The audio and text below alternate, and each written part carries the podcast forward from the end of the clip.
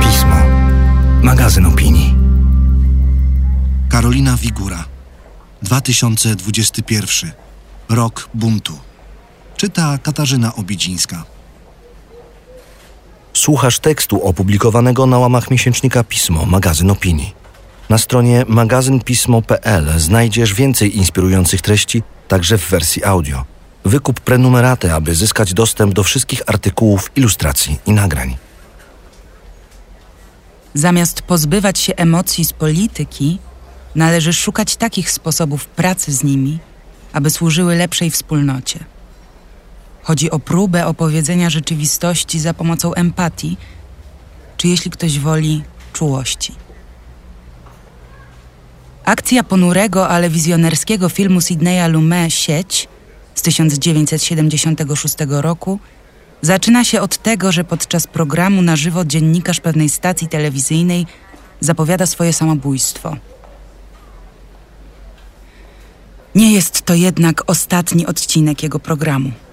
Wręcz przeciwnie.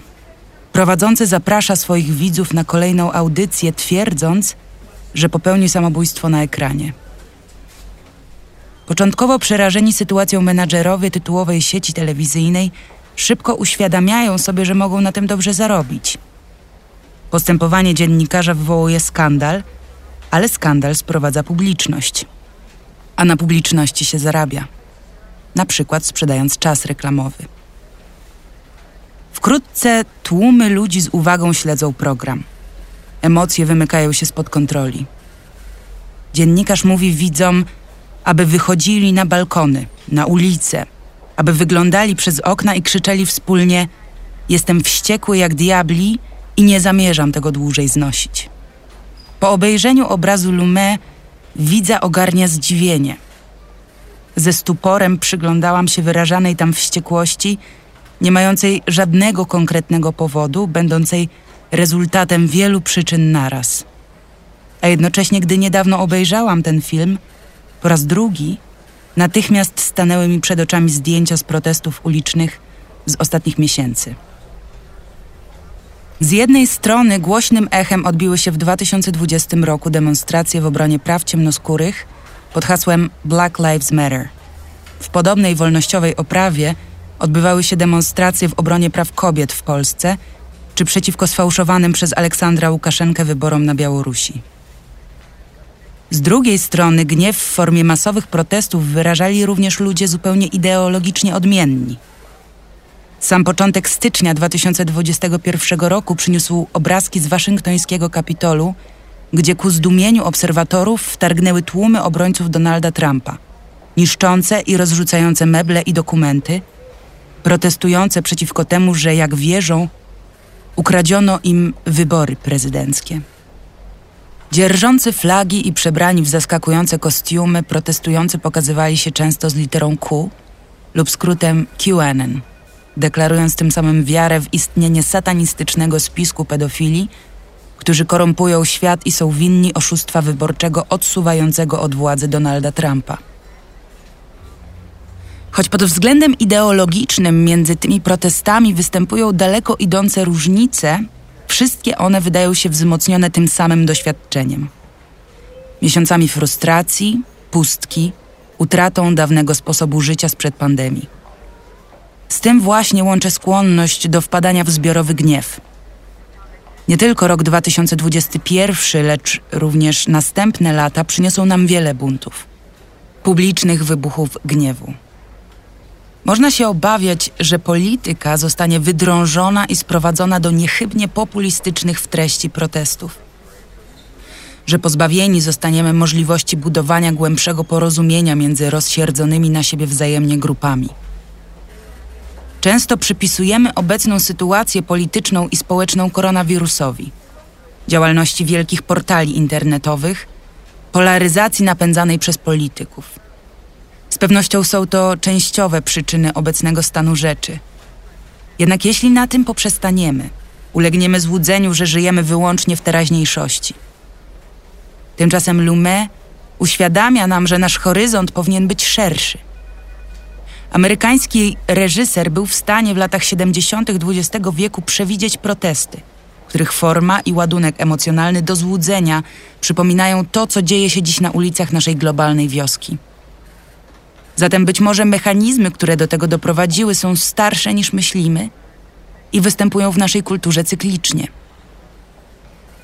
Od setek lat wiemy o tym, że polityka i życie publiczne odwołują się do emocji.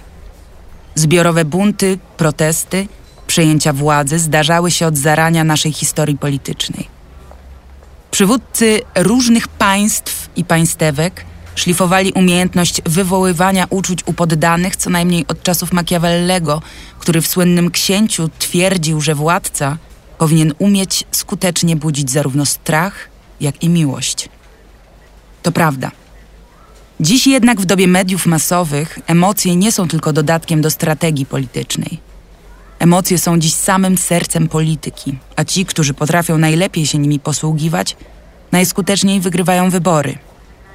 Badacze diagnozują strach, frustrację i gniew obywateli, a także inne uczucia w kontekście wykluczenia ich z politycznych procesów decyzyjnych, spolaryzowania scen politycznych i medialnych, zmagania się z pustką czasu pandemii. Francuski teoretyk polityki Pierre Hasnet kilka lat temu dostrzegł wręcz zemstę namiętności, wyznaczającą charakter globalnej polityki. Jest to wyzwanie zwłaszcza dla polityków pragnących bronić liberalnej demokracji, ponieważ w ostatnich latach z różnych przyczyn to właśnie jej wrogowie najlepiej opanowali sztukę odwoływania się do zbiorowych uczuć. Domaga się to wyjaśnienia i właściwej reakcji.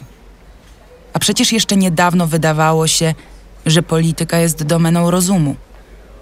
Od kiedy, przynajmniej w świecie zachodnim, liberalna demokracja wygrała w 1945 roku z faszyzmem, uważano, że emocje w polityce prowadzą do krwawych przewrotów i czystek etnicznych.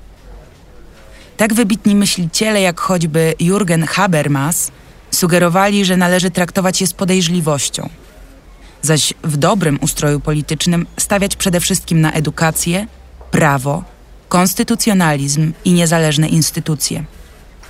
Do tego należy, uważano, stopniowo podnosić poziom życia, tak aby ludzie nie poznali ponownie tego rodzaju gniewu i frustracji, które raz już doprowadziły do wygranej politycznych skrajności i nieznanych wcześniej w Europie okrucieństw.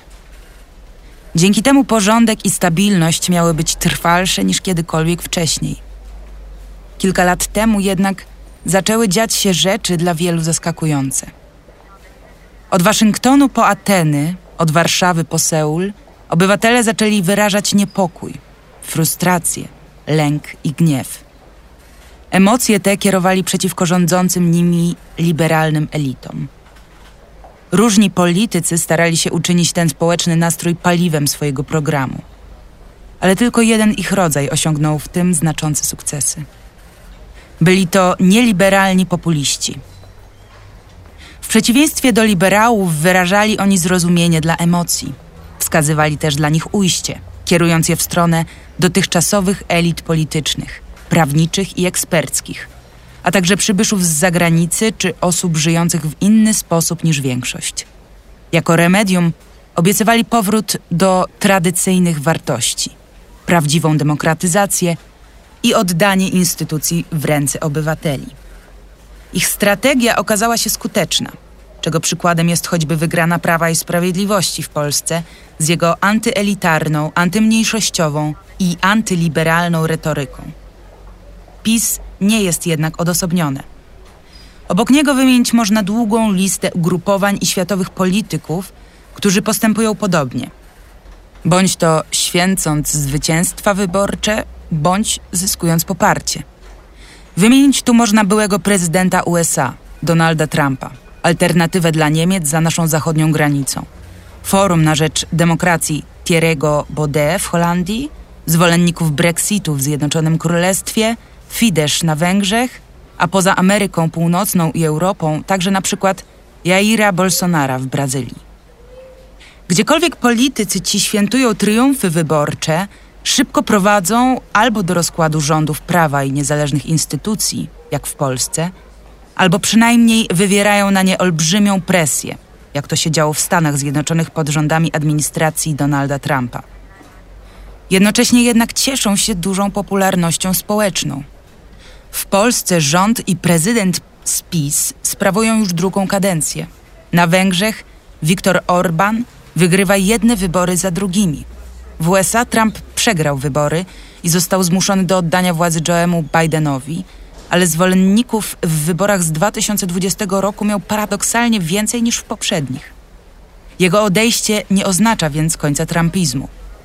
Gwałtowne przejawy obecności tego ruchu przyjdzie nam obserwować jeszcze nie raz w kolejnych miesiącach. Fala gniewu, która przyczyniła się do wielu globalnych wygranych populistów, pozostaje poważnym wyzwaniem intelektualnym. Jak to się stało, że w tak licznych miejscach działy się i dzieją tak podobne rzeczy? Aby odpowiedzieć na to pytanie, przywołam piękną książkę francuskiej pisarki i tłumaczki Annie Ernaux Miejsce. Jej akcja rozpoczyna się sceną pogrzebu. Trwa ostatnie pożegnanie ojca autorki, która zawsze jest bohaterką własnych książek. Dojrzała kobieta, jaką jest wtedy Annie, podchodzi do trumny i stwierdza, że pierwszym słowem, jakie przychodzi jej do głowy w tych okolicznościach, jest wina. Skąd się owa wina bierze? Od tego momentu zaczyna się, jak to zwykle bywa u Arno, prawdziwy egzorcyzm pamięci. Dowiadujemy się, że Annie urodziła się w małym francuskim prowincjonalnym miasteczku, a następnie przez dziesięciolecia uczyła się i rozwijała, by ostatecznie przenieść się do Paryża i zyskać międzynarodowy rozgłos. Jest to opowieść o wielkim sukcesie, ale jak zaznacza Erno, także o wielkiej utracie. A co traci autorka książki? Przyjaźnie, dobrze znane miejsca, zwyczaje, nawyki, źródła tożsamości. Prywatny język, którym porozumiewała się ze swoją rodziną, ba, którym mogła szukać porozumienia z ojcem. Ostatecznie traci więc też jego. Jest to zresztą utrata obustronna, bo i ojciec traci swoje marzenia o starości u boku dorosłej córki i jej dzieci. Książka Erno jest o Francji, jednak równie dobrze mogłaby być o Polsce. Ostatnie 30 lat w naszym kraju to również dzieje olbrzymiego sukcesu. Przejścia całego społeczeństwa na wyższy poziom życia, otwarcia międzynarodowych perspektyw. Jednak każdy wielki sukces, jak przypomina wybitny dwudziestowieczny liberał francuski Raymond Aron, jest okupiony jakimś kosztem. I właśnie taki koszt możemy opisać w przypadku polskiej transformacji po komunizmie. Transformacja jest zbiorowym procesem utraty. Nie mam tu na myśli jedynie utraty miejsc pracy i bankructw, bowiem koszty te miały o wiele więcej wymiarów niż tylko ten ekonomiczny.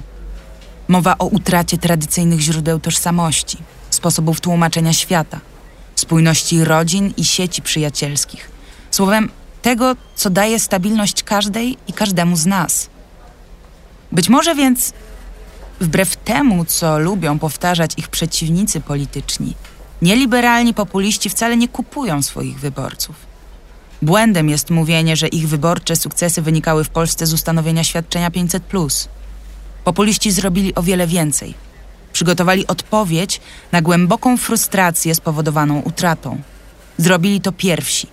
Podczas gdy główna konkurencyjna siła polityczna w 2015 roku była to wciąż potężna Platforma Obywatelska, naiwnie twierdziła, że transformacja była wyłącznie sukcesem, bez żadnych płócieni.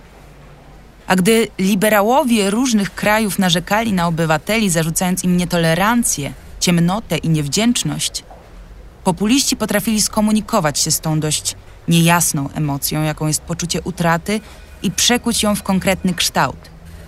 Na przykład w pragnienie ochrony swojego domu przed przybyszami z zagranicy, przed ludźmi żyjącymi inaczej niż większość i tak albo w strach przed końcem znanego świata. Stąd popularność wyobrażeń o tak zwanej tradycyjnej rodzinie, czy protesty przeciwko metodom planowania ciąży. Mechanizm ten nie ogranicza się do Polski, ma miejsce także w skali globalnej.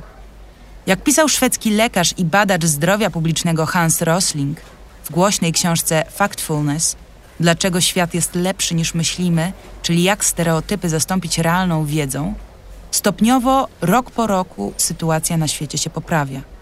Oczywiście nie w każdej kwestii i nie każdego roku, ale ogólnie rzecz ujmując. Choć przed nami jeszcze poważne wyzwania, już teraz poczyniliśmy ogromny postęp. Oto obraz świata oparty na faktach. Zmiany, o których pisze Rosling, dotyczą ostatnich 200 lat, lecz największe przyspieszenie przypada na ostatnie półwiecze. Na całym świecie spada śmiertelność niemowląt, wzrasta długość życia, zwiększa się dostępność bieżącej wody, rośnie poziom edukacji zarówno chłopców, jak i dziewczynek, polepsza się skład ludzkiej diety i zwiększa dostęp do urządzeń technologicznych, a nade wszystko podnosi się poziom zamożności całych społeczeństw. To wszystko Rosling pokazuje na podstawie przekrojowych badań i statystyk. O co zatem chodzi? Wydawałoby się, że potężna zmiana naukowa i technologiczna oraz idąca za nią przemiana sposobu życia powinny prowadzić do zwiększenia optymizmu w patrzeniu w przyszłość, ufności co do tego, że nas i nasze dzieci czeka lepsze życie w lepszym świecie. A jednak paradoks polega na tym, że ponieważ sukces oznacza równoległe koszty, to powoduje również strach, frustrację, niepewność i właśnie gniew. A stąd już tylko krok do buntu, którego początkiem była właśnie globalna fala zwycięstw nieliberalnego populizmu w ostatnich latach. Kalejdoskop emocji. Tak można byłoby w największym skrócie opisać to, co wywołuje w nas przedłużająca się pandemia koronawirusa.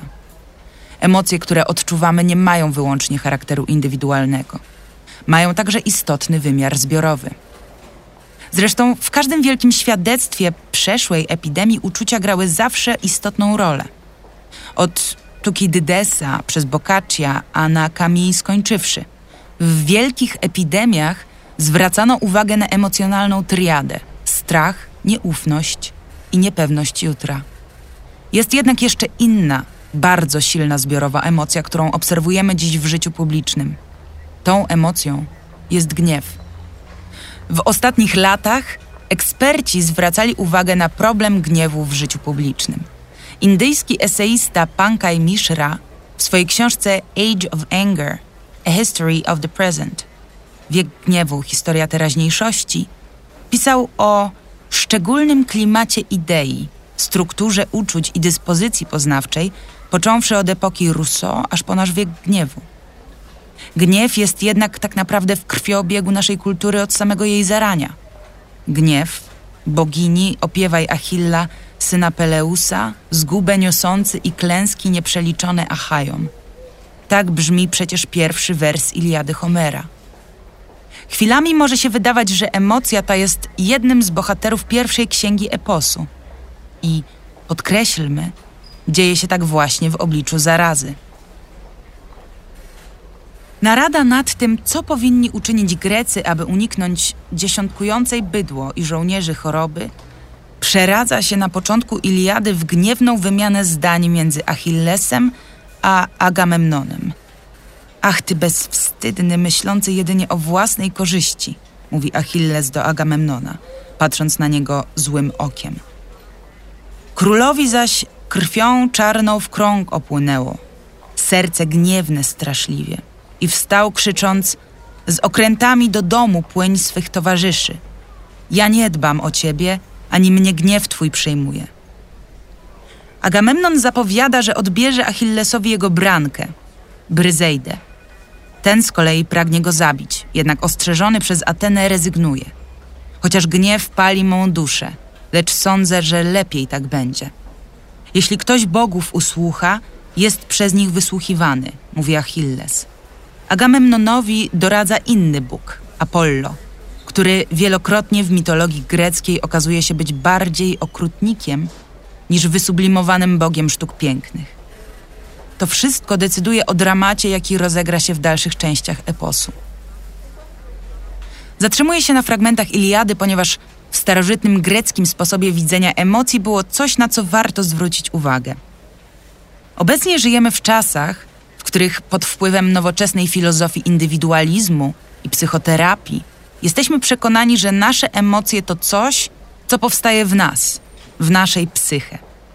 Grecy natomiast uważali, że emocje to siły, które przychodzą do nas z zewnątrz, jak fale. że mają one moc, dzięki której mogą dosłownie nami owładnąć, a nawet nas opętać. Grecy przypisywali to, odwołując się do znanych z mitologii bóstw.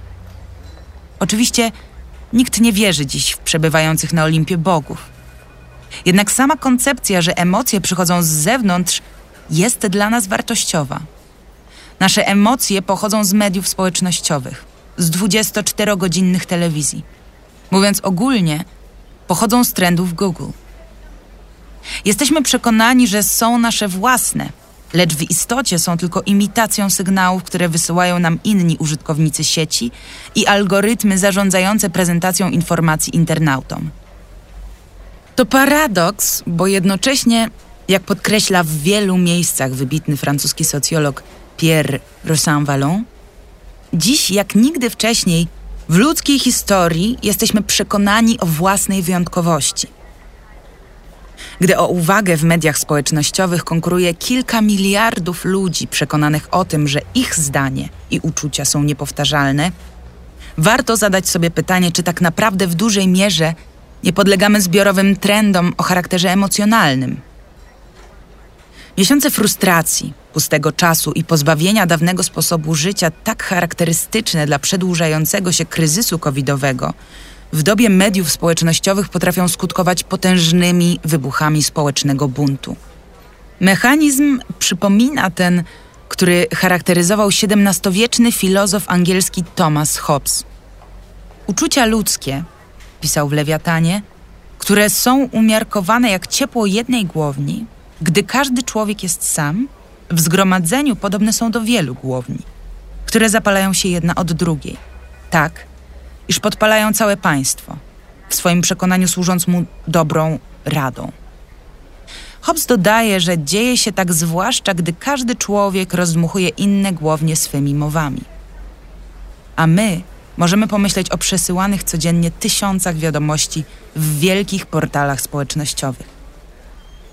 Eksperci wskazywali, iż wyraźnie widać, że protesty takie jak Black Lives Matter oraz demonstracje w obronie praw kobiet w końcu 2020 roku nie osiągnęłyby takiej skali, gdyby nie istnienie wielkich platform społecznościowych.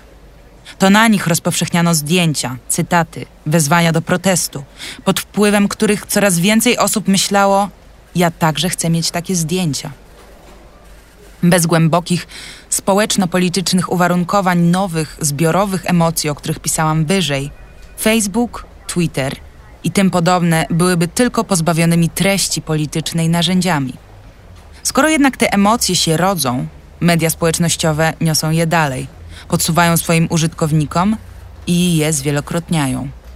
Przez pewien czas mogło się nawet wydawać, że te wolnościowe protesty doby koronawirusa zbudują nową agendę polityczną, że będą w stanie odmienić kształt sceny politycznej dzięki regularnemu domaganiu się praw jednostek i ochrony mniejszości. Że 2021 rok przyniesie właśnie taką zmianę, upragnioną przez wiele osób zmęczonych nieliberalnym populizmem. Dziś staje się jednak coraz bardziej widoczne, że rozpoczynający się rok jest raczej kolejnym etapem otwierania się puszki Pandory – Nieliberalni populiści wcale nie stracili umiejętności komunikowania się z emocjami zbiorowymi. Najlepszym tego przykładem jest wspomniana już quasi-rewolucja na waszyngtońskim Kapitolu, do której doszło zaledwie tygodnie temu.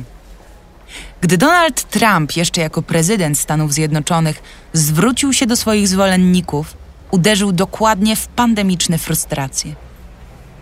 Jego mowa oscylowała wokół tematu ukradzionych rzekomo wyborów podsycając uczucia strachu, nieufności i niepewności oraz przekładając je na gniew. Nigdy się nie zgodzimy, mówił i dodawał: Rozumiem wasze emocje, wasze cierpienie. Słowa te były jak echo filmu Sidneya Lumet i uświadamiały, że w kolejnych miesiącach powinniśmy być przygotowani na dalszą część dramatycznych wydarzeń publicznych, a nie na ich uspokojenie. Istnieje wiele dobrych powodów, aby na próby nawiązywania do emocji w życiu publicznym patrzeć ze sceptycyzmem. Historia polityki europejskiej co najmniej ostatnich stu lat nauczyła nas w tej kwestii dużej ostrożności. Emocjami łatwo jest manipulować. czego przykładem w najnowszej historii Europy były choćby okrucieństwa narodowego socjalizmu w Niemczech czy nacjonalistów w byłej Jugosławii. W naszym życiu publicznym wielka rola emocji jest jednak faktem i choćby z tego powodu należy brać je na poważnie. Być może to noblowska mowa Olgi Tokarczuk wskazuje kierunek, w jakim można pójść, aby do zbiorowych emocji podejść nieco lepiej, niż robiono to do tej pory. Chodzi o to, aby zamiast się ich pozbywać, szukać takich sposobów pracy z nimi i takich języków ich wyrażania, aby służyły one lepszej, a nie gorszej wspólnocie politycznej, a jednocześnie były retorycznie nośne i politycznie skuteczne. Innowacją w polityce doby cyklicznych buntów jest powracanie do poczucia utraty i próba mierzenia się z tą emocją. Jest nią również próba odnalezienia się w sytuacji pandemicznego gniewu, zmęczenia i sfrustrowania. Chodzi o próbę odpowiedzenia rzeczywistości za pomocą empatii, czy jak ktoś woli, czułości. Życie publiczne przynosi nam przez cały czas przykłady takich działań, bardziej lub mniej udanych, ale zawsze inspirujących. W ostatnich latach odwołaniami do empatii i czułości można tłumaczyć zwycięstwo słowackiej prezydentki Zuzany Czaputowej. Ta uprzednio mało znana aktywistka wygrała wybory w 2019 roku, zgromadziwszy aż 58% głosów, czyniąc empatię jednym ze swoich najważniejszych haseł.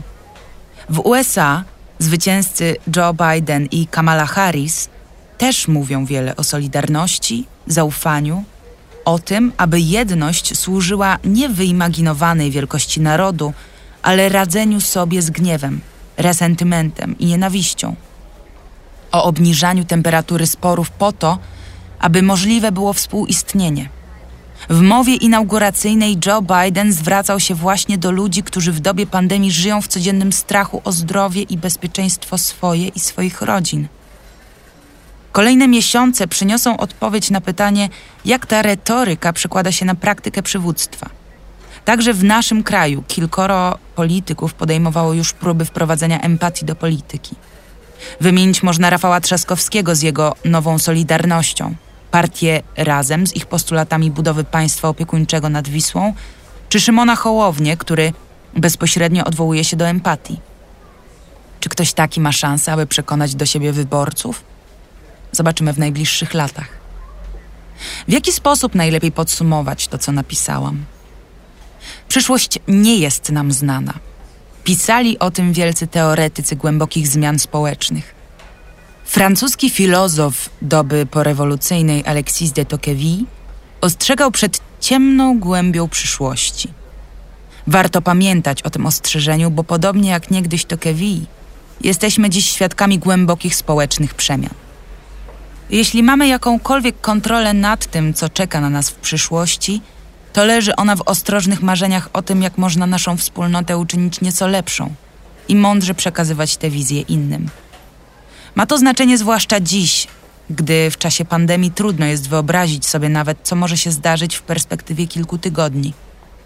Mam nadzieję, że takie marzenia mają potencjał, aby uczynić nas wszystkich nieco mniej defensywnymi nieco bardziej gotowymi do wzajemnego słuchania się i chętnymi do budowania lepszej przyszłości dla kolejnych pokoleń.